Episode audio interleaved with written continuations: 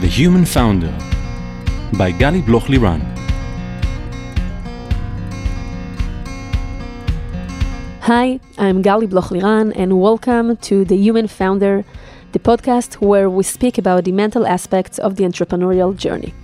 Entrepreneurs often describe the emotional roller coaster that is embedded in being an entrepreneur or investor, where you experience the highest of highs, such as when you leave Google to a promising startup, and the lowest of lows when you need to leave a startup you've been working so hard to grow.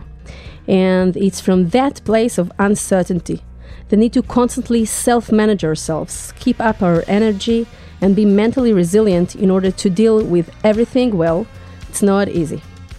In each episode, I will be talking to entrepreneurs, investors, psychologists, being their sounding board, with the goal of creating a space for this less spoken about layer, which is the mental aspect accompanying the entrepreneurial journey. I will also share tips and tricks to help boost your focus, clarity, and mental resilience. Today, I have the pleasure of speaking with Ohad Tzur. Hi, Ohad. Hi. It's great having you here with me, literally. We go way back together, and for the last 10 years, you've been living in the US, so it's great having you around. It's a pleasure being here and great to be back to Israel. Uh, let me introduce you for those who are not familiar with you. Ohad, you were global head of channel partnerships at Google for five years.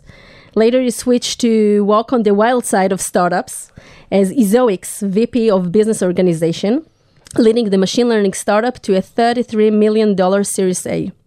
You're head of, ven- of revenue at uh, Smith AI and currently working on a new venture. You have your BA in Management Economics and High Tech Entrepreneurship from the Hebrew University of Jerusalem and an MBA from MIT's Sloan School of Management. You're originally from Jezreel Valley, then moved to the Silicon Valley, and nowadays live in uh, San Diego with your wife uh, Adi and father to Yuval and Tommy. And you kind of had a career in Hollywood, right? Yeah, so that's an actually very interesting story. Uh, I was uh, lucky enough to be at that day at Google when they said, look, we need some extras to a new movie called The Internship. If you want to have a chance to meet Vince Vaughn and Owen Wilson, you know, step up. And uh, it, what I always say is, if you really look hard, you will see my elbow for about seven seconds in that movie. Needless to say, I never got another call from Hollywood, and that's the end of my uh, career in the film industry. But yeah, I'm, I'm delighted to be here and speak with you today. So that was that sounds promising. Maybe you'll pursue it later on in your life. so, uh, tell me a little bit about your background and where it all begins. Yeah, so look, Gali, I think we're all from the generation that really uh, grew up when the internet was forming its its uh, you know infancy stages, and I was fascinated by this world and where it could be. I actually imagined would they be you know shops online that pe- people can actually buy. Uh, this was kind of mid 90s, and as we were growing up, I was always excited to learn more about this world.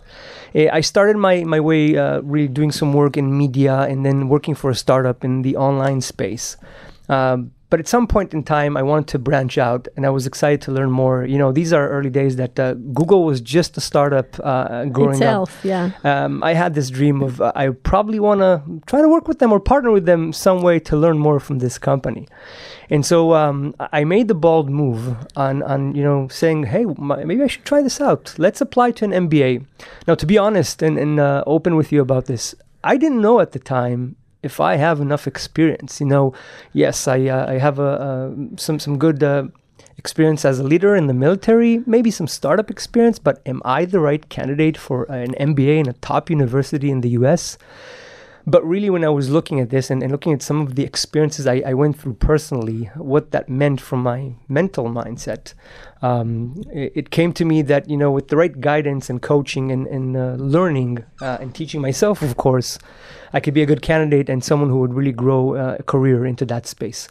So I made the move, and uh, you know, I was I am honored and was lucky enough to be admitted to uh, MIT. How old were you when you sw- uh, went there? So I was uh, I was about 28. 28. you know, uh, I was back then living with my girlfriend, now wife, which you know well, Adi, and uh, we we talked about it and we said, look, it's a journey, it's something new, and we were very excited about this move. Um, but but really, you know, with all that you have your, your questioning about that. You know, am I going to be the right fit for that place? You know, would, would I find the right career post MIT? Uh, but really, I, I, had that mindset of go for it. You know, uh, you, will find out you're very proactive. You like uh, identifying opportunities. What, what, was it in yourself that uh, you could be able to tell yourself, okay, I'm 28, I have this experience, but I believe in myself and I know it's a long journey, but I'm willing to kick it off and to begin and to go with the flow and let's see how it will work out. Yeah, you know, I think that one thing that is uh, very true about uh, I think Israelis in general, but also the entrepreneur entrepreneurial mindset, if you will, is you have that grit and you have that ability to figure it out. You know, don't be worried about not solving all the questions now. You'll solve it over time. So, you mm-hmm. know, I didn't have all the answers when I moved to MIT, but I was not afraid about that. Uh, I knew that things will be fine and I'll find kind of my ways. I, I knew my areas of interest and, and my strength at the time. Um, and that really helped me kind of just jump on it and, and figure out your way and your journey. I think that's a, very important message because as entrepreneurs, we have, uh, you know, uh, problems and questions all the time. And understanding that we won't have all the answer in a specific moment and that things will be revealed step by step. And we have to be open to, uh, you know, to, to hold it and to bear this situation and live in uncertainty, but to trust ourselves that it will be good. This is a very, very uh, important uh, skill and actually emotional intelligence to be uh, uh, to be able to hold this uncertainty and still not allow it to make us, uh, you know, freeze. Yeah, that, that's absolutely true. And to be honest, you know, uh, it's a little bit of a cliche, but you heard the phrase outside of one's comfort zone, mm-hmm. right? This is a good example of try to live that life outside of your comfort zone when you don't have a right structure when you don't have things laid out for you of i know exactly what i need to do. That's actually where your growth happens. To be honest that's really the, the difficult part of the mentality of like i don't know what's going on but it's there's room for me to be proactive and understand what path is to take, what actions should I be doing, what should I be learning in order to take myself to the next phase and, and create some clarity. So if you know if I can give some tips to, to anyone who's listening to this today, don't fear from living outside of the comfort zone. It, it's really where you grow. Um, and, and, you have to practice this a few times. And if you're thinking about entrepreneurship and starting a company, you will be living there and thriving in that environment. So I, I totally good, agree. It was a great practice uh, back in the that day. so you moved to uh, you moved to California and, and, and MIT and uh, no sorry Boston. Boston Boston MIT and then you switched to California later on uh, to Google actually. Correct, and I want to tell actually a story about this uh, about. Um, it's a very interesting story about understanding that sometimes you don't have enough information and you can't make a call on the information you have in a specific moment, but you have to look long term. Back the days that I was, I was in Israel, I was uh, interviewing for a couple of positions.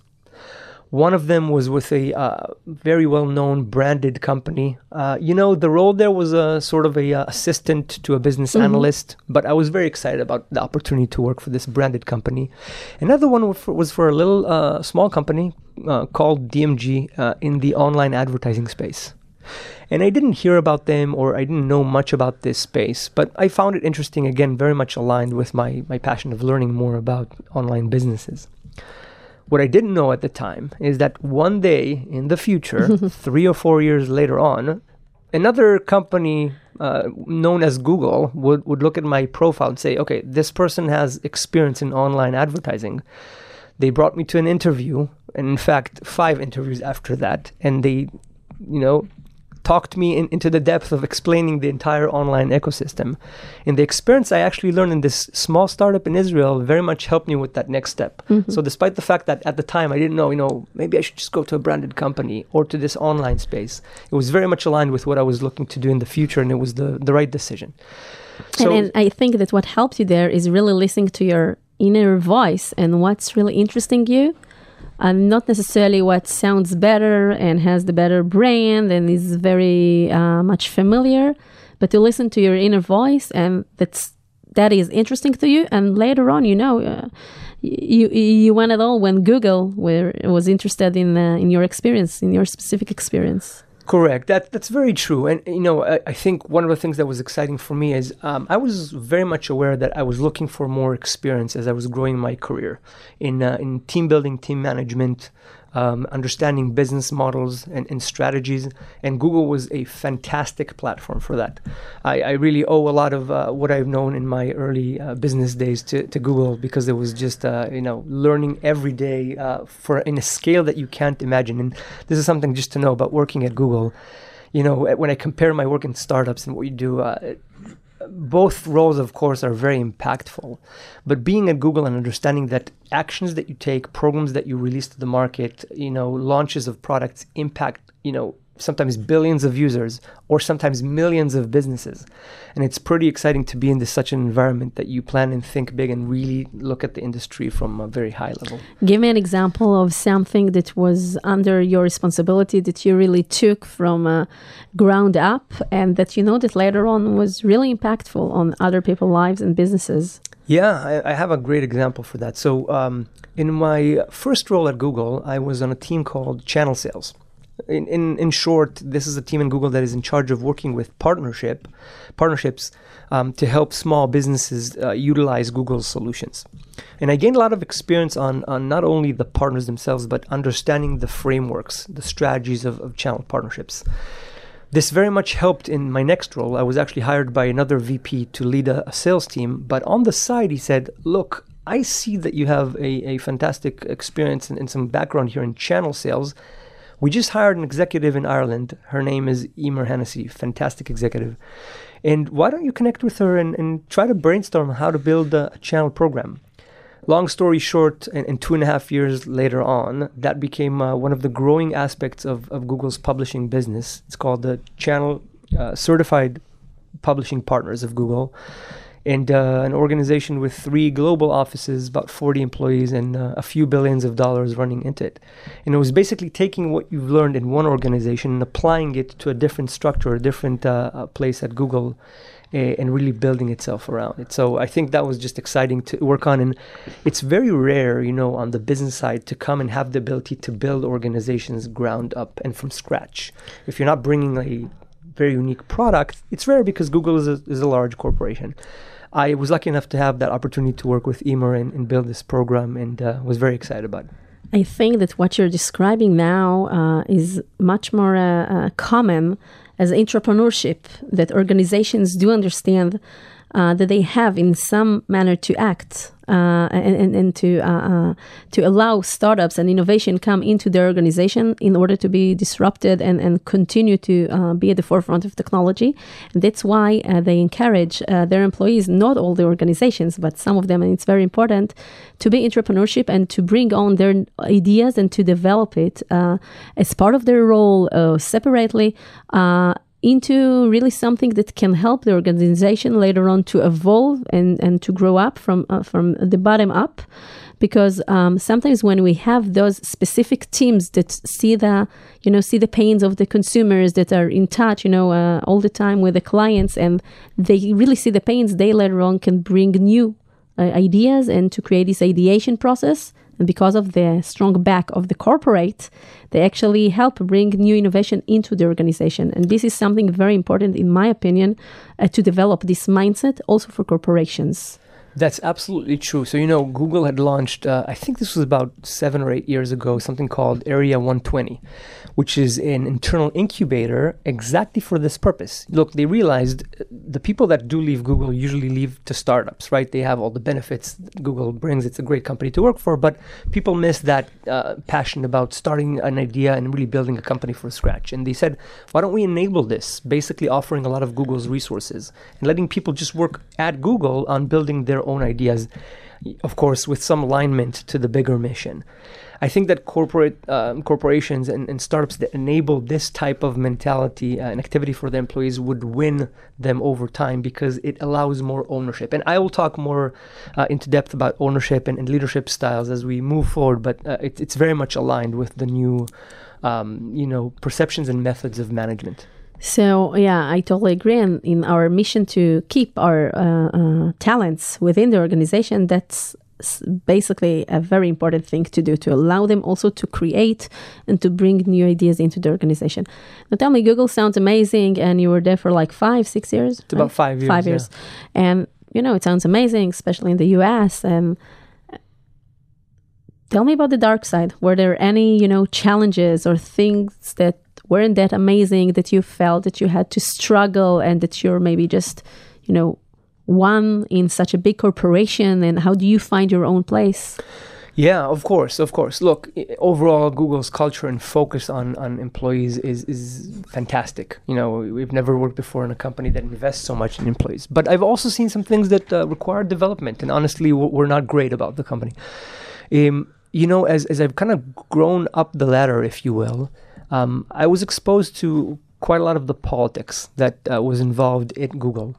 And what happens over time in big corporations is that instead of focusing on the market and the clients and how innovation changes people's lives, you start focusing on who do I need to influence in my environment, in my organization, in the leadership, in order to get things done and move forward with my goals something I think was lost as Google was growing in terms of the, the overall mission, the connection of people to the overall goal instead of my own personal achievements, accomplishments, and goals, and who do I need to be friends with, if you will, and impact in order to do that. And I think companies should be, you know, really looking at these aspects of how do we build a culture that prevents those situations? How do you let people focus on an overall mission instead of you know the the internal uh, power struggles or intricacies of uh, interpersonal relationships or uh, or issues in that case. So so you're actually saying a, a sugarcoating it a little bit, but the inner politics, right? And and how we uh, how we uh, build a, a healthy company which people can really focus on the things they they are coming in the morning in order to promote and to do, and uh, rather than focusing on you know who's the one that they need to to talk to in order to move forward with their ideas. And I think that it's something that happens in big corporations. I mean, you cannot uh, uh, uh, you can try to minimize it, but it's I think that only if in the management it's something that it's clear to them and it's very important for them to to attack it. So that can lead to a change. That's correct, and you know, I think I think there is room for change here. This is why we're starting to talk about new organizational, uh, you know, managerial methods and approaches. How do you create a culture and processes that allow allow us to prevent these situations? I'll, I'll give just one example. Mm-hmm. Um, I, I was trying to approve something and move forward with a program, and I needed to wait a few months because I needed approval from for a senior uh, senior VP at the time. And I'm asking myself, like, is there a better way? I understand that there's you know busy executives running companies, but is there a better way to set up teams for success and let them move forward and fast? It's a transition that naturally happens when you move from a small startup to bigger corporations. Um, but I do believe that there's actions that can be taken to uh, um, to help kind of uh, mitigate the situation or, or, help increase the productivity. So, from your experience at Google and later on also in the startup, which will you elaborate uh, soon, tell me about like the methods and the techniques that helped you as an executive, both in a corporation and in a startup environment, really to help your teams to move fast and to get uh, to, to make uh, faster decisions and uh, uh, and not to be uh, you know uh, dependent on bureaucracy and really come from the bottom up because you know we have two two ways of processes top down and bottom up. And a lot of the times in big corporations, it's top down. Things are being uh, uh, uh, decided in the uh, company management, and then later on it goes down to all the layers.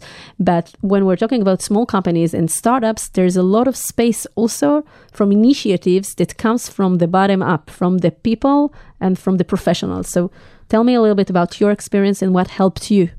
Right. So, so this is a great, great uh, question to discuss. First and foremost, you know, as I'm uh, now gained a lot of experience in, in team building, uh, the first concept and principle that I work towards is ownership. Ownership is a, a key value that really helps people in their career feel the day to day impact that they bring on. Not just I come to work and I work for a salary and I go home, but I'm excited about what I'm doing and I feel very connected to what I'm doing. This is very important. It's important not to tell him exactly how to solve a problem or what exactly to do. Give him an overarching goal. agree on the direction and you know where we want to be in X time, agree on the timeline, let them figure out and come up with suggestions. And it as a manager, we really need to pay attention here, right? Sometimes we're even asked questions and we take this head of I'm going to solve this problem for my team or for the employees and tell them again what to do instead of asking them questions, right? Guiding them towards understanding. We have a mutual goal. It's up to you to figure out how to get there. That gives a lot of motivation and excitement to people. That's my first principle. Second principle. Wait, before moving on, that's that's great, and I really like it, and I really believe in ownership. It it's mutual.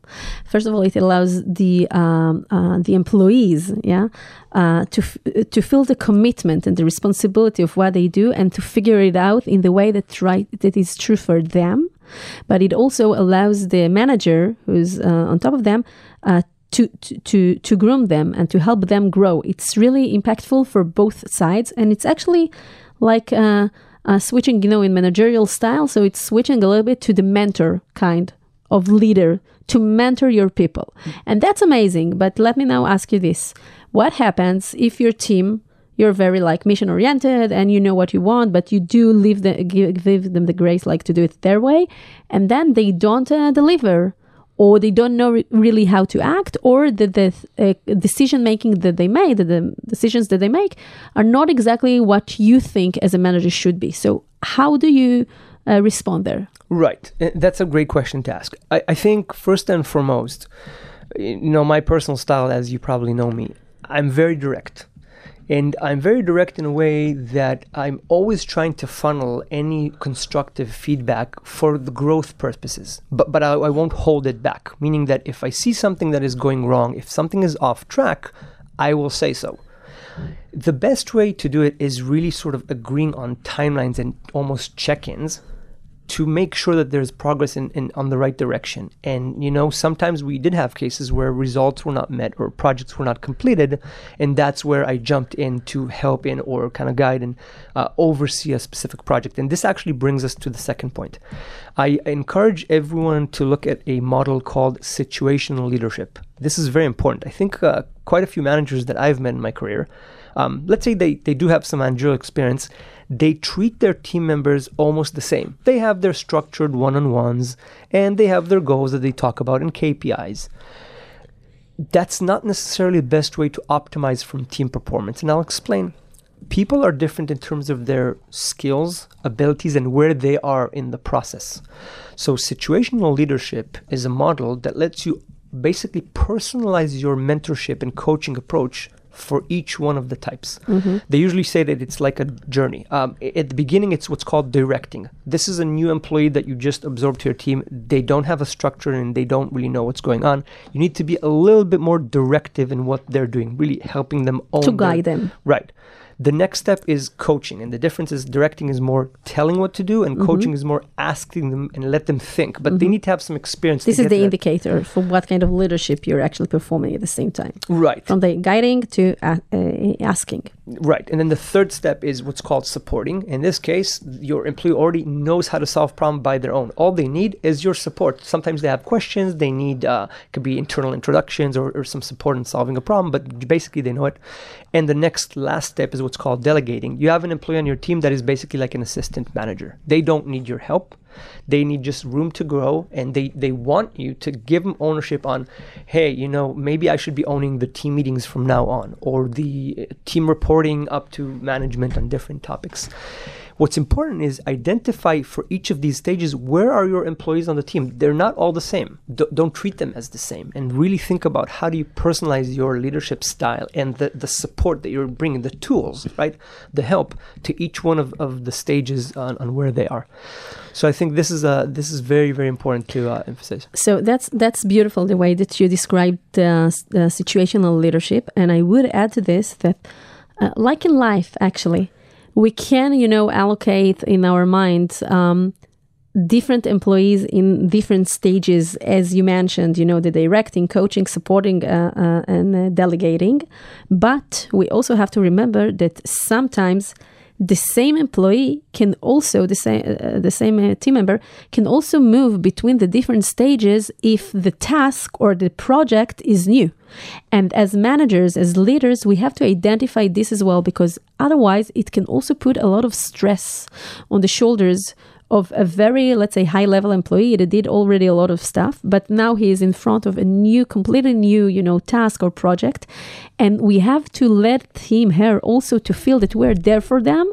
And even if it's a new task, a new thing that they don't know how to address at the beginning, and they need to go back to the directing and later on the coaching and only later the supporting and delegating, that's okay. And I think that if we enable uh, uh, a culture that is really listening and really see the people within our organization and, and sensitive to the different uh, uh, stages and needs that they have, that really creates a, an impact. Right, then that's absolutely right. One great example for this, you know, you have an employee that was just promoted. They were already in this mm-hmm. delegation stage mm-hmm. for, for a given sort of level or where they were. All of a sudden, they received a much bigger responsibility, mm-hmm. and now they need a little bit more of that directive approach of like, help me navigate this new challenge that I have. So you, you change your leadership style again for where they are in their journey and not necessarily where you are. Now, the third point uh, on, on really team building is I, I really encourage leaders and managers to take every once in a while a pause and look at themselves. Meaning, what are you doing to build your credibility continuously? You know, the fact that you, uh, the fact that I had a very successful tenure at Google does not mean that I can, you know, slack and just kind of sit back when I'm building a startup. Constantly building your credibility by accomplishments, by results, and by inspiring others, right? Ultimately people want to work on teams that they are trusting their leader and they want to go after them in, in this journey and especially in a startup that requires so much of a strong mentalities to succeed. Your role as a leader is very important. So really take some time to look at what have you done to inspire your team members? Why are they going after you? How are you demonstrating more value to the team? And so that's uh, really something to think about. So i totally agree and i think that the, the ability to to hit the pause for a second and to to do an introspection with ourselves and to see first of all what we do and how we grow and secondly how we grow others and to remember that it's uh, it's not something that you can do and that's it growing means you know that is something that is constant that it's ongoing because the the, the way you grew at google is different than the way you grew at the second startup and then the third startup and also nowadays in your new venture. And i think that the the basic understanding of growing is that it's something that cannot be stopped. Otherwise it's not growing you know? It's like uh, you cannot run in walking right? You ha- in order to grow you have to really actively really actively uh, doing things and, and, and leveraging yourself all the time. And also silence, for example, or hitting the pause, for uh, example, and just uh, uh, looking into ourselves. This is also part of growing. It doesn't mean necessarily that growing is something that is active, like doing. Also, in the being, in the processing of what we're be- uh, going through, this is also very, very important part of the growing. That's correct. That's correct. I very much agree with that. Um, so, so you spoke actually on, on team building from your the experience that you had, and, the, and you mentioned the one method that you used. It's called situational leadership, and within you spoke about uh, three principles. The, the you spoke about the ownership, and you spoke about how to address people that are different in the different stages that they are, and to to to hit the pause, like uh, to really reflect to ourselves.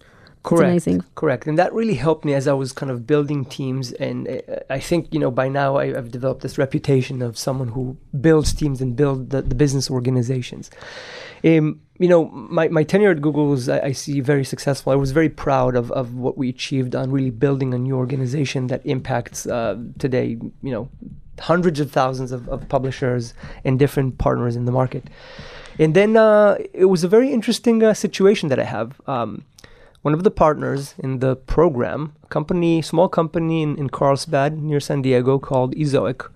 I had been working with them for, uh, uh, you know, on a few projects. They knew me as, as the lead of the program itself. Called me up one day and announced something that I thought was uh, interesting. They said, "Well, you'll be leaving Google and joining us." You you get this phone call and you tell me you tell yourself, "Okay, I'm already a father to one then right? And i have a nice salary and nice uh, you know comp and benefit and i live here in uh, in california and it's very very nice. And now to leave everything and to change it to go to be an entrepreneur as part of a, a founding team and, and or the, the first employees of a startup what is going on in your mind at that second when you consider to change it from being an executive in a corporation to an executive in a startup, which is a totally different world. Right, and, and you know what? It, it, was it was really a conflict in my mind for a long while. You know, everyone around me in Google really kind of raised eyebrows and asked, you're doing well at Google. Don't you want to continue on your ride? Like moving to a startup, you know, it's risky. Some startups don't work out. So why change? Why why, why was there in your uh, thoughts that you did feel that you want to make this change? So uh, you know what? I think there's really two things that drove that. 1st mm-hmm. one, and I kind of mentioned that before. I I definitely felt that I'm in my comfort zone at Google. It's it's starting to be a little bit cyclical same old in a way. Of course, there's always things to learn, and there's a lot of teams to move at Google. But I was wondering if this is the right time for me to experience the world of startups. Remember that I started my career early on in startups. Um, I, I, don't know if at the time I was thinking about that's where my career is mm-hmm. headed, but something in me said, look, you don't know much about it. There's a lot of things to learn there. There's a lot of risk. It's probably going to be chaotic. It sounds fun you you think about this. So that that was kind of more of the, I'd say, the more mental and, and um, the feeling type of approach, and then the logic came in. Uh, way before the logic. So you're saying it like very easily, but it's not easy at all to hold this mindset and this thought because to be able to tell to tell yourself, listen, Ohad, you're too much in your comfort zone it's time for change this is something not easy for people to do. I mean i i feel the same with you and i know how to tell myself this because i have to feel that i'm growing and i'm changing and I'm learning. But sometimes it's very difficult for people to take off or to give away you know all the comfort things and all the, the, the nice things that they have in their comfort zone in order to take the risk and do a very big step towards something which is you know unknown Right. It so, takes so a lot of courage also. That's true. And I'll, I'll, tell you how, how I was thinking about this at the at the time. Um, I believe it was uh, John Wooden that said, "You miss hundred percent of the shots you don't take." Mm-hmm. And uh, there's another saying that basically says that we make uh, decisions uh, based on emotion and we justify them with logic. Mm-hmm. So w- what I did at that time, because that was really my concern, you're, you're, mentioning exactly the right things. Like, are you leaving all this and your progress here and all progression and all your uh, the benefits that this great company gives you to move to a startup? Well, let's try to understand, really assess the probability for this to be successful, and that's where I started the, the process of assessment and uh, evaluation to be honest, I think I've spoken with the uh, founder and CEO of Ezoic for about six months or so before I made a decision, back and forth on growth and uh, understanding the industry and the strategy behind the company and, and the direction moving forward to help me understand and try to gauge the, the uh, probability for success or, or how is this company really going to win five years down the road. And, and when that gave me more comfort, when I saw that there's opportunity there, that's where it was easy for me to tie this. Okay, you know that you want to step outside of your comfort zone. You're not making a crazy decision because mm-hmm. there's some logic here. There's some mm-hmm. good data to back that. Connecting these two together uh, made it at some point obvious. And, and to be honest, I was also running out of excuses of what to say to CEO of why not when I'm answering that for the 25th time. It was just the right time. Yeah. So, so I really think that you are describing here a complete, you know, a process of decision making that on the one hand you give the emotional and the mental aspects uh, uh, space, you know, and, and you're saying, okay, I'm, I'm in my comfort zone. It's time to make a change. And you also tell yourself that I can't, I can't live with myself if I won't make this change because it's not me. I have to grow. So it's like, it's the risk of taking a change, but it's also the risk of continuing living my life in a way that is not fulfilling for me anymore. And this is one pillar. And then you're saying I'm, t- I'm doing the, the uh, assessments, I'm doing all the checkups, and I'm, I'm sitting and I'm looking at the data. And after a while, I take time, some time, to do all this due diligence to myself whether or not to go. So when you see that the two things are combined, I mean, that's it. That's that's the moment that you just have to go for it uh, because you run out, out of excuses. And I just want to say that not always the mental and the uh, rationale will be completely aligned. You know, you had luck because it really supported each other. Sometimes one, re, uh, re, uh, you know, is stronger than the other. Either the, the, the, the data and the opportunity is like very strong, but emotionally you don't feel that this is the right thing, and vice versa. That emotionally you have to make a change, but you're not sure that this is uh, the best option. And that is when you have to, you know, uh, uh, hit your uh, uh, risk and do the risk assessment and really to choose to just staying in the same place because of a fear for me personally, this is something that means not to live your life in the best possible way. That's correct. And remember that we always uh, we don't have all the information and the data, and we can't you know uh, foresee what's going to happen in the future. And I think that gap sometimes is, is helping us. Like, is there enough information for you to feel more comfortable, or knowing when is when is the, the, the time to stop and say, look, I won't know everything, Mm-hmm. but I know enough for this to, to make a make sense for me. Why was your enough? Like 70% enough? Ah, that's difficult to quantify, but to be honest, I mean, if it took six months and a lot of questions from my end, um, then it's probably a- around that, right? But when I felt comfortable and it, there was a lot of data to to back up my decision making, that worked well. So you make a decision and you tell to the okay, we're moving to San Diego. You say goodbye to Google. You're going to Ezoic, and then you were there for like three years, Three and a half years. three and a half Yeah. years. Yeah, so the, the situation there was actually very interesting. Um, the, the founding team of Ezoic is a very, very technical. Um, and my role there was as they were focusing on building a, a superb product uh, in the industry, is really owning the, the growth of the business side, um, hiring the right people and team leads to, to manage, you know, sales, business development, manage account management, and so forth. Putting the KPIs in place, um, discussing different tools and strategies to help grow the business and it was a fantastic experience because you know the pace of the company was was was great. Um, we were on that wave of success of bringing true value, measurable value to to clients, and ultimately that led to a, um, a large Series A that we closed in 2019. So two questions. One is more uh, professional, and one is more personal. So you're switching from a corporation from Google to uh, uh, early stage startup, and um, you have a v- business experience, etc. But the environment, the, the external environment, is totally different. You know, the pace, the way the startups work, etc., etc. How do you address it? You come to this uh, job, you know, to this position, and what do you do? How do you manage yourself in order to uh, uh, perform in the best possible way? What are like the first few steps that you do in order to organize yourself as a, an executive in a startup? Right. This is a great question. My first step for everyone. And Thank you for uh, saying that my questions are great. It makes me feel, uh, you know, that I'm doing the right thing. that you know it, right? Um, I recommend that everyone, when they start a new experience, whether it's a new work, you know, um, coming to a new country, uh, whatever you're trying to do, take time to absorb. Uh, my recommendation uh, when it comes to the, the workspace and, and careers, you joined a new role, um, joined a startup, started your own company. Take 30 days to just learn, meaning try to understand why things are, are the way they are. What's the different perspectives there? Um, what's difference from what you had beforehand? Is it better? Is it worse? Don't apply what you have as a bias because you are biased and you don't have the mm-hmm. full information to understand that. And to be honest, this is again another opportunity that I have to be completely outside of my comfort zone. I did know the company and I knew the business because I work with them as their partner at mm-hmm. Google, but it's a different culture, right? It's a different process. They have different norms, different systems that they work on. And so I had a lot to learn and, and catch up. Uh, even on the teams and the people that were on my team, they were already much more familiar with the insides out of the product.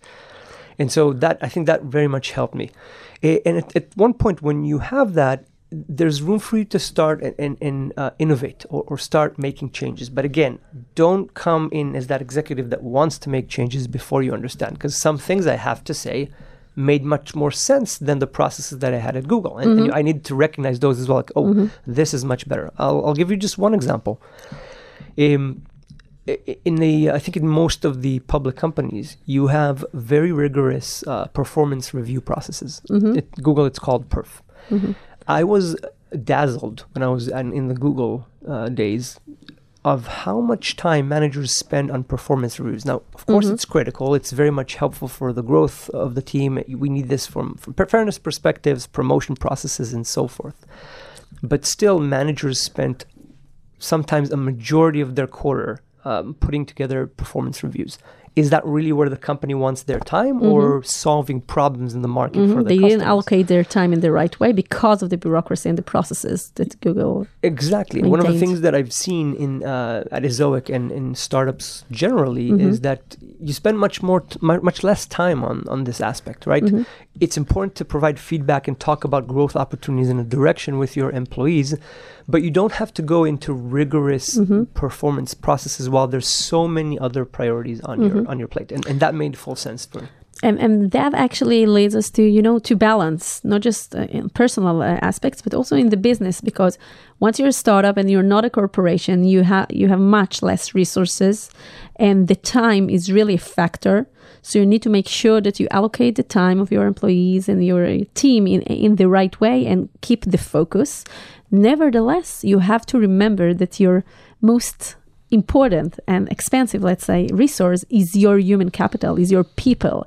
And that's why you need, I think, to find new methods and new ways of communication and feedbacking that will be much more. Uh, uh, uh, uh, not quick, but like uh, straightforward and impactful, and not so you know uh, heavy and not so long processes, but will still make the people feel that they're being uh, that they're getting feedback and that they're being appreciated and that the organization the startup sees them and it's very very important Yeah, in real time. Um, by the way, in her book, Radical Candor, Kim Scott Malone talks a lot about methods of providing feedback.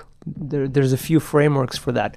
I very much agree with what you said because feedback is not something that person should wait for on the day mm-hmm. that I get my, you mm-hmm. know, it's like a report in school, my grades. That's couldn't agree that's, more. Yeah. That's not the time to provide feedback. If if something is wrong, the manager should be in a timely manner providing that feedback so their employee can thrive even the next day.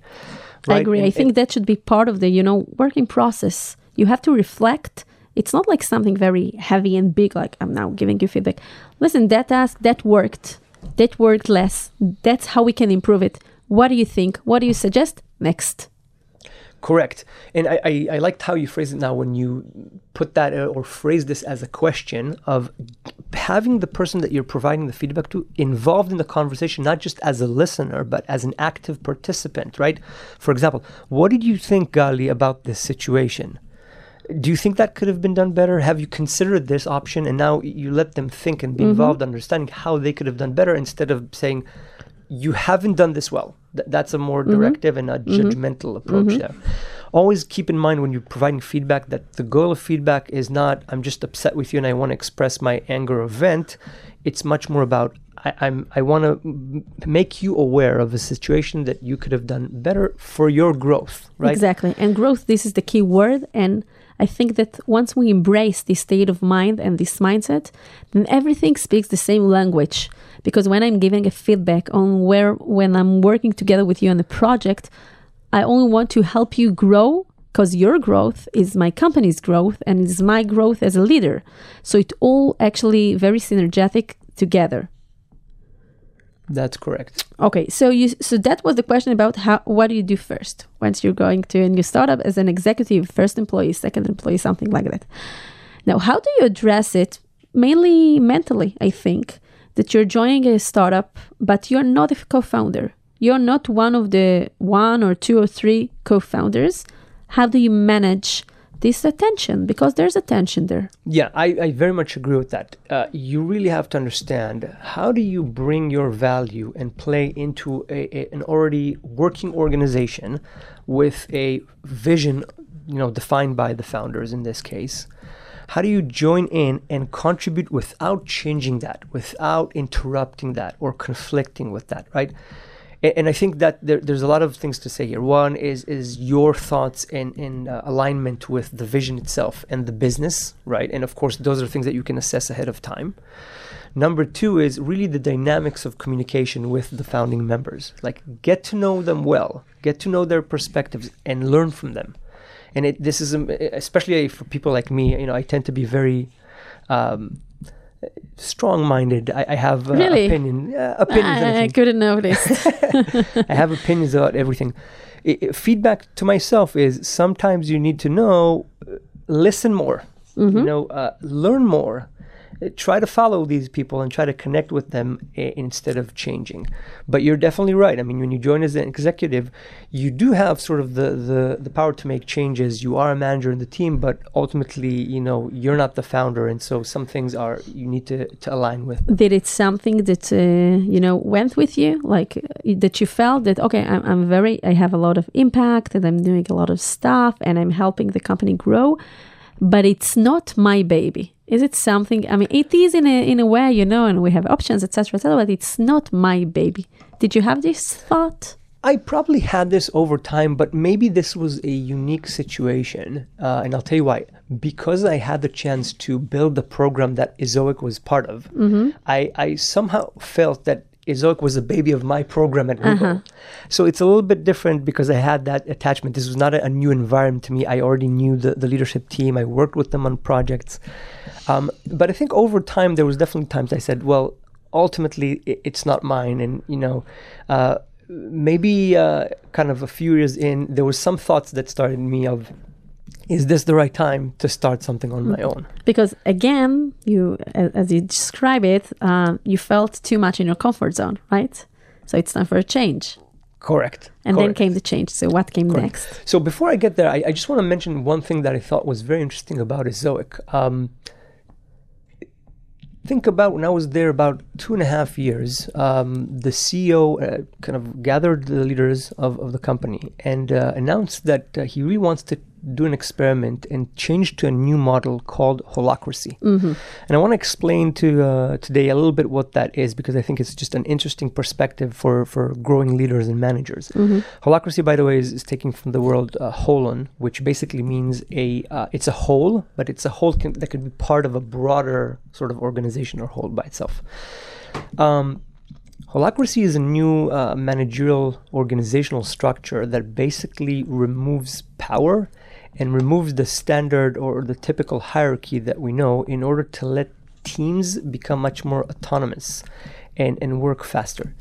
And, and the problem that this uh, solution or approach try to solve is that in growing companies, all of a sudden there's these approval processes that are just naturally created. A team wants to do something and they're trying to book time with the VP to approve processes. And all of a sudden, you know, that takes more and more time. I've definitely experienced that uh, at Google. Mm-hmm.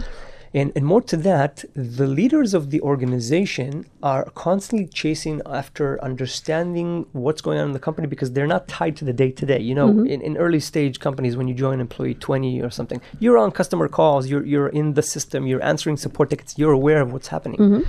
When the company reaches a few hundred people, the effectiveness of managers, other than just managing people, um, is reduced. And so this this system allows organizations to be more flexible, more dynamic, and, and respond faster to changes in the market, and gives a lot more power to employees to make changes rather than a again directive for management. So, so explain to us a little bit how this actually works, Right. So, how so it looks like. Yeah, and, and this is very interesting. So there's very defined uh, roles into the system. Basically, the organization is broken into what's called circles. A circle can be a team, and in the circles you have multiple roles. Now, here's a very first kind of very important difference from what. Uh, from what you have in standard companies. Instead of having a person that is defined as a role, like a job description, a role is a task that needs to be happening in the team and people it's disattached from people meaning that people can do multiple roles in multiple teams. The big adventure and, and the best description is people say this is more like a jungle gym compared to a, a career ladder right? Because instead of saying i want to go up you say i want to experience different roles. For example hey let's say i'm on the sales team and there's a uh, interesting role on the um, you know, on the marketing team of helping with events. I, I don't know if I like marketing. Let me try to experience this. I'll apply for this role. You know, it's expected to have X hours a week that I will be focusing on this, and I can learn if maybe I like working with that team or with this role, or maybe my career is progressing into. So, so it's it's kind of a matrix, right? That people can be part of separate responsibilities within the organization that helps them, first of all, uh, to try and to learn new stuff, and also reveal new talents within them.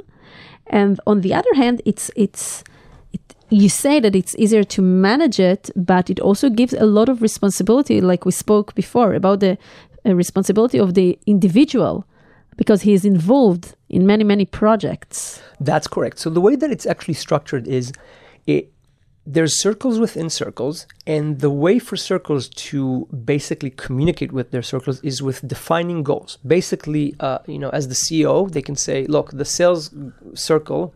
Here's the people in the sales circle, and here are the overarching goals. How do you reach these goals? The, the upper circle cannot dictate, meaning the CEO cannot determine what is going to be the strategy of the sales circle to reach their goals. Um, and that's where you have so much responsibility and ownership of the employees themselves. Now, of course, there's pros and cons, right? On, on one hand, you're saying, wow, it's a lot of ownership. You have people that are very much involved in the day to day of the company. On the other hand, is you have to have monitoring on this because. Uh, so, how do you monitor it? Because I, you know, I, I I coach many uh, entrepreneurs and founders and CEOs, and some of them are much more, you know, strict and needs to be in control and mission oriented, and they like to guide and to see uh, uh, the end game and they want to lead to it. And some are much more, you know, uh, people persons and they want to empower their people and they want to let them lead and to see from bottom up where the organization goes. So for them, it will be easier. But for those who are in their nature and characteristics are like their traits are much more uh, focused and needs to control. So how do they uh, manage it? You know, how do they uh, allow themselves to function in this kind of uh, environment. Right. So I'll just be very honest and I say uh, this this method is not for everyone. It's Mm-hmm. not built for employees or managers in this case, and, Mm-hmm. and you have to have some you know uh, adjustment into this this style. There is a a, uh, a process in the process. Uh, well, there's a process in this organizational structure that is uh, usually called tactical meeting that allows you to do check-ins on where we are against results. Mm-hmm. But one interesting aspect that I wanted to add on on the structure itself is uh, governance meetings. So when when you want to change something in the organization or bring a new idea to the table, everyone has a voice, and actually everyone has an equal voice in this process. What does that mean? There's a team meeting called governance meeting where people can come up with proposals that they've made. You know, uh, it could be a new strategy, it could be a new uh, investment for marketing or product idea or, or changes in, in our internal processes or support and they have to propose it and basically they have to respond to any objections that could be happening by the team. There's no difference here between someone who's more senior or junior. Everyone can respond to it. And what i really like about this method and think about this for a second when a manager makes a decision on the team and you know takes the team gathers them all and say look i, I decided to uh, you know we're, we're going into the market x or y. This is our new approach. Some of the team members may be you know quite shy or afraid to say like did he consider all or he or she considered all the uh, the uh, implications of this or perspectives? Because i'm not the manager. I don't think i have the power to actually speak up. In holacracy you're basically creating a situation where everyone can respond to you and, and object to your proposals and your role then is to mitigate that or, or listen and then respond or come up with maybe with a new proposal until everyone has basically agreed that we want to move forward Everyone, yeah, it has to be like Everyone. unanimous. Yes, everyone on the team has to do it, and and you can't force and say, well, you know, but I'm more senior, but I I'm the VP or I used to be. So, so you know, listening to you uh, and, and this kind of a, uh leadership method definitely empowers the people within the organization. But I also think that the startup, and we're talking now about startups, they have to be uh, in a certain stage and strong enough in order to implement it. And also, what it also emphasizes is how important are the talents and the human capital, the, the people of the startup, because it's a lot on their shoulders. And each one, I'm not just a full stack developer or an UX researcher or, you know, a marketing uh, or something. Um, I really have a responsibility because I'm part of the decision making. So it's really important to curate the right people that will be part of the team. That's absolutely right, and and you're also right about the stage, right? This is. Uh, Uh, you know, for people who are considering the system, I would I would think about more uh, growth, maybe between seed and A or closer to A. When you cross the 100, 120 employees, and you see that the structure is becoming to be very difficult mm-hmm. to, to monitor, maybe that's the right timing. Early on in, on startups, you have to have very much focus and alignment on going together on the right priorities And control and to lead it. yeah, and there's no slack of resources to be mm-hmm. honest, not mm-hmm. financial and not from a time perspective. So, uh, so yes, there's much more sort of maybe control or monitoring or organ alignment, and there's less room for like completely creative ideas. Now, don't get me wrong, right? As I said, this system has its pros and cons. Of course. And even with, with implementing this and seeing the benefits of a company that is growing, uh, you know, I've witnessed quite a few issues with the system on. Give us an example, something that really, I mean, you worked with this at Ezoic and later on also at the. I worked with it at Ezoic primarily, Mhm, right? And okay. later on had some maybe uh, Okay. aspects of it. So, what was something challenging while implementing this method? So, for example, let's say that a person was um, uh, had a chance to apply and, and receive the opportunity to work on a given role, but there is a gap between the skills that are expected from that role and the skills that the person has, right? Mhm. Usually, a manager that would determine this would make a decision by that skill amount, but in this case, a manager does cannot sort of intervene. In this case, Mhm. if the person was uh, given the opportunity to have a role, they will do it. So you want to create the system where you're saying, okay, I, I just want to make sure that this person is coached or, or guided or has the ability to support. It, what I do like though about this approach is um, managers are really turning to be coaches of what's called like an invite. Instead of me saying, "Hey, Gali, um, you're in this role. I don't know if you have the right experience. I'm going to jump in and guide you." I expect you to say, if you think I have the right experience to guide you in this role, come and ask for help and support. Right? That's kind of the maturity of I understand I don't have all the skills. I will ask for more support. So, so that's a beautiful aspect of being proactive, and also in in in, the, in a deeper way, uh, it trains us uh, to learn to ask for help, because it doesn't matter in which stage we are. You know, uh, CEOs of startups. For those from the outside, it sounds like wow, that's that's how do they do it, etc., etc., and it's very you know impactful. But they have a lot of questions. They they don't know many many things. They don't know more than they know, and this is the mindset that they think that they should have. So, to give this message of, message of asking for help for uh, uh, for the employees uh, uh, uh, at the end of the chain and the employees at the top of the chain, this is something very important, and also to see in this method what kind of of uh, advantages or or you know uh, the, the different the different uh, managers have in the organization that they can help each other because maybe I cannot give you or train you to the skill that you need, but someone else can. Yeah, I, I think that that's the where you'd want to kind of uh, push or, or, or change the mindset of employees to really be more proactive about approaching help and understanding in the organization who can give them, you know, the skills. I, I like this approach because it's aligned with what I said about credibility, right? Mhm, You yeah. build yourself based on the value that you add and not based on that form or title Mm-hmm. and who you know in the company. Yeah. So I think that was uh, that was very positive. Uh, overall, what I did like about this, and and uh, once again, I'm not selling this method, uh, but I, I'm just saying, saying for managers, like open your mind for maybe you know in this new generation, how can you empower employees to to feel that they're uh, you know that they're valuable, that they're impactful to the activities, and that they have room for growth. Which I think, you know, for the the new generations, if it's you know millennials or Gen Zs, they ask quite often, how can I grow in this company? I think it's very, very. Uh, it, it- this answers it well by saying you can experience, especially by the way, if it's early on in your career and you don't really know is my career in sales or product management. What can you experience, or what types of activities or projects can you be involved in in order to get more experience and decide on your future career So, steps? so that method is really great uh, in, in- in the manner of diversity and allowing them, the talents and the employees to be exposed to different kind of uh, roles and, and responsibilities, etc. So Ohad uh, will hit the post soon, but then later you went to, to, to Smith, and now currently you're working on your own venture, which won't say too much because it's still uh, in, uh, in stealth In mode. stealth. But um, how how do you choose now the right people to go ahead to the new venture together with them, the right co-founders? What made you decide and feel that okay, you were in a corporation, you were an executive in a startup, and now you want to have your own uh, baby startup and to right to find the right people to go this way together with you. Right. That that's. Uh, I, I think this is really kind of the next step for me. So um, I, I'd say a few things about this. First of all, personally, it's about for me. It was about gaining experience and, and knowledge. Um, when I was back in uh, at MIT, some of my colleagues had asked me, "Okay, Ohad, Israeli came from startups. You finished MIT. Are you starting a company?" And my answer was, absolutely no. And the reason is I don't believe that I, I have the experience that I want to have to, to succeed in building a company. Some people would say that was the right approach or the wrong approach, but that was uh the feeling that I had at the time by the time I was uh, leading teams at, at Smith AI on the revenue and, and after Ezoic, I, I had experience on building organizations at Google and in startups.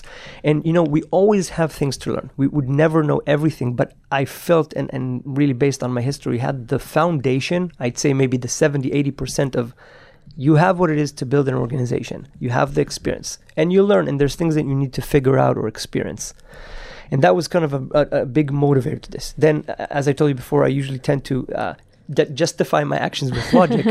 I want to explore a lot of what's happening in the market, and and the market is, is definitely hot for new opportunities. You know, we're we're we're finishing a very difficult year where things were really stalled, and now there's there's growth in multiple areas and opportunities for. Uh, for innovation, uh, obviously investment is aligned with, with that as well.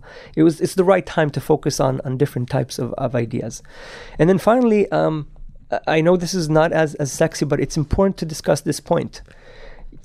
One's, uh, this is my approach at least, Mhm. one's personal financial situation is very much a, a factor, a determining factor on whether they should uh, be going into entrepreneurship. You have to think about this as a long journey.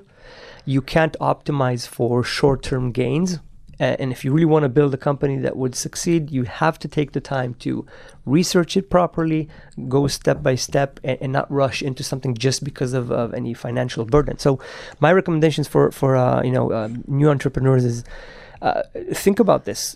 Talk about with, with your spouse, uh, or think about your situation. What's the plan? Have a plan. Like, how are you going to maintain yourself uh, financially? When you're heading into the uh, very long entrepreneurial journey, right? This is not a one to two year Mhm. gig that you come and you know everyone looks at the the exits and the IPOs that we had this year, which are great, but really it's much more of a of a long term journey. I totally agree with you in, in this point. And sometimes when I speak with uh, young, not in age, just in the beginning of the way, entrepreneurs, I I see that it, they didn't took uh, they didn't take into consideration all the different aspects and questions they had to be asked. Uh, and you cannot, you know, cover everything. But uh, sometimes I feel that they don't understand the trade-offs of being an entrepreneur. And yes, it has a financial trade-off. And yes, you will be it will be on you. So you have to be very much focused on this. And yes, you will have to let go of many other aspects of your life which are not entirely on focus, which is like the, not family, for example. And also they will get uh, less attention. And this is something that you really have to be willing to do and really want it because it's not an easy journey. And I think that sometimes people feel it's very sexy to be an entrepreneur uh, today and, and just to, you know, build your own company. But you have to really uh, do the same risk management that we spoke about earlier to really see and to see how it will go during the next two, three years. Because it's not something for, you know, for, for short term as, as you described. It's very important to come as much uh, ready as possible towards it. That's correct. Now, now, one of the process that I went through, uh, and, and you asked about a co-founder. I think this is a good methodology. I think I developed almost my own framework for for assessing a co-founder. You start by asking yourself, you know, what what type of endeavor, general, very generally, where where where am I heading? Like, uh, is this like a small business that I'm operating? Uh, am I just opening a chain? Is it like a franchise or a startup or a tech company? and you want to make a clear and very honest assessment of your skills. Uh, and, and here's I, I want to kind of separate between two things here. Uh, when you talk with people, I think that a lot of us are, are very confident in our abilities, and the way that we sell ourselves is with a lot of confidence, and that's great. But have that honest conversation with yourself on what is the skills that you have and what do you not have right? I'll give you my example. I'm, I'm very open about this.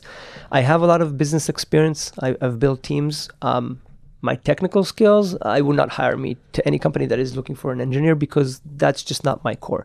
So i knew that if i'm heading into a technical startup and, and i love technology and how technology really helps adding value i'd probably need a co-founder that is technical so assessing your skills and where you fit into the industry or the general category of your startup is important and would then help you to assess what is it that you're looking for. I, I was fairly clear about that from the beginning, right?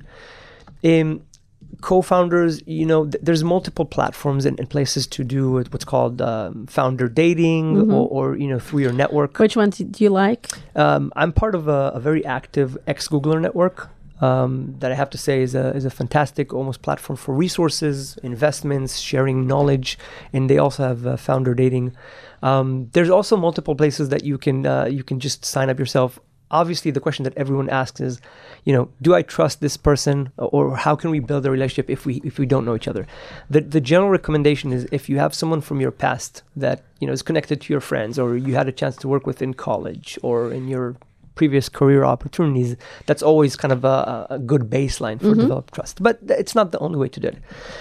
I, I'd recommend when you find something that you f- fits in terms of the uh, the skills, uh, do some what's called working days with them. Conduct a few days Yeah. where you're, you know, you're not Literally committed- sit together, solve a problem, see how you work together. see the dynamic you know Mm-hmm. test how how um, you know you can test how do you brainstorm together Mm-hmm. how do you make decisions together how do you basically also how do you fight together? There's a disagreement you know is that a big clash and does that impact the relationship or do you know how to solve this together? I think these are things that are very important now, I, it's it's not uh, uncommon, and, and I don't think it's uh, disrespectful for asking for a reference call. I'm talking with you, and obviously, I I'm asking you about your skills and strength, but I'd also want to hear from your colleague or your previous boss or investor, you know, about you. I think that's it's fairly common, and it helps to get another perspective about. Uh, about What, what do you think is like uh, the period of time that this dating, uh, like an average, should take? It could take a few months sometimes, to be Mm-hmm. honest. Um, sometimes it's a matter of like you know you clicked in a few a few weeks or days, but you never know a person deep Within until- few days or weeks. Right, It right. takes time to develop a relationship and to really see the aspects and the layers which are not revealed easily. And I think it's important together because the more you'll get to know each other prior to beginning to launch your startup, later on it will reduce the tension. I mean, there still will be tension for sure, but you will be more up to it and you will already see the, the, the, the faults and the challenges within each other and be more able uh, to to mitigate it and to see how you work together in order to solve it and to continue. That's right. That's right. Now, I would also say that there, uh, you know, uh, maybe there's there's kind of mixed uh, thoughts on this type. I do believe in assessing what's called, uh, you know, founder market fit. So I like this it. is basically a an assessment of is the founder or founder team in this case Mm-hmm. founders set up for success to solve a problem in the industry they're working on. I'd actually put less emphasis on the idea, and I'll tell you why. The idea initially, you know, if the Mm-hmm. it problem will change clear- so many times. that's right. If the problem exists, the idea would change so many times. The idea is not clear. But are these founders clear enough and able to really add value and differentiate themselves in this market? Mm-hmm. Right? So if you're talking about an AI solution that you're going to bring to the market, well, if both founders have no experience in AI, uh, unlikely that you know they will hire a very strong AI person to come. It can be, but I don't know if they're uh, if they're positioned uh, well to win in this. Uh, I, would take some time to think about that, and I would more put more emphasis on the backgrounds of, of the of the founders themselves and their ability to win in the market versus the um, idea that is currently in hand. These things will just develop over time. Wow, Ad, so much knowledge. Wow, we spoke about so many things today about, you know, managerial uh, styles and methods and how to provide feedback and how to build teams and to nurture them and to make them really feel good and be successful and how to embrace the right mindset and decision ma- uh, decision making, you know, to give space also to the emotional and to the rational uh, aspects of it and really your story i mean i know you so it's not new for me but still i learned so many new things about you and your journey and it's really it's really inspiring so thank you for joining me today i'm sure that all the listeners will really gain a lot of knowledge from this uh, conversation Thank you so much. And I, I want to just a, a few more things. And, you know, uh, I always say, uh, as you think about network and just your career overall, try to leverage what you've learned and experienced to add value to others. You know, I mm-hmm. always say on LinkedIn, if you want to stand out on LinkedIn really, yeah, we all post about, you know, our wins and accomplishments and, and events and all that, but did you try to reach out to someone with a very personalized opportunity to add value. For example, hey Gali, I, I just noticed that um, I have a, a colleague of mine who's going to visit Israel. I think she could connect with you on your podcast, or I think you can be a great speaker at this event. Try to reach out and add that, that value. So I think that's important. And where I've done this, and I'll take just one minute to kind of wrap this. Uh, I've been volunteering for uh, almost a decade now with an organization called MEET Middle East Entrepreneurs of Tomorrow it's just very close to my heart. Uh, just in a sentence, it's an organization that focuses on education and connecting, you know, Palestinian and Israeli youth together on the concept of how technology and, and STEM sciences can really help society become better. And it's been a privilege and an honor for me to mentor in this organization. Um, I, I'm just encouraging people to take the same approach of see how you can add value from your experience. For me, it was a business mentor to organizations or causes that you uh, just uh, uh, like or support. I, I, couldn't agree more, and I think that's a beautiful uh, thing to finish with uh, because really helping others and, and mentoring others and, and reaching out to others and and and you know uh, uh, volunteer and and really spread is good and add value to each situation that you are part of whether it is in the academy with your family with your friends with your colleagues you can always add value and I liked what you said in the beginning, in the middle of the podcast, that you build yourself on your value and not necessarily just on your experience. Like, how do you help others grow? So that's a very strong uh, message. Ohad, uh, for the listeners who may be interested in reaching out to you, where they can find you? Yeah, please connect with me on LinkedIn. I'm sure you're going to see the post and find me there. I'm happy to help and connect with anyone, really. Thank you. To our lovely listeners, we're going to hit pause until the next episode. That's also something I say to the entrepreneurs in my clinic in between sessions. If you enjoyed listening, I would really appreciate it if you share the podcast with people who you think would derive value from it. Thanks to the amazing studios at the IDC. Feel free to visit my website at galiblochliran.com and leave your details there if you wish to be updated and learn more about the mental aspects of the entrepreneurial journey. Also, be sure to follow my podcast, The Human Founder, in any of your podcast apps. Let's hit pause. Till next time.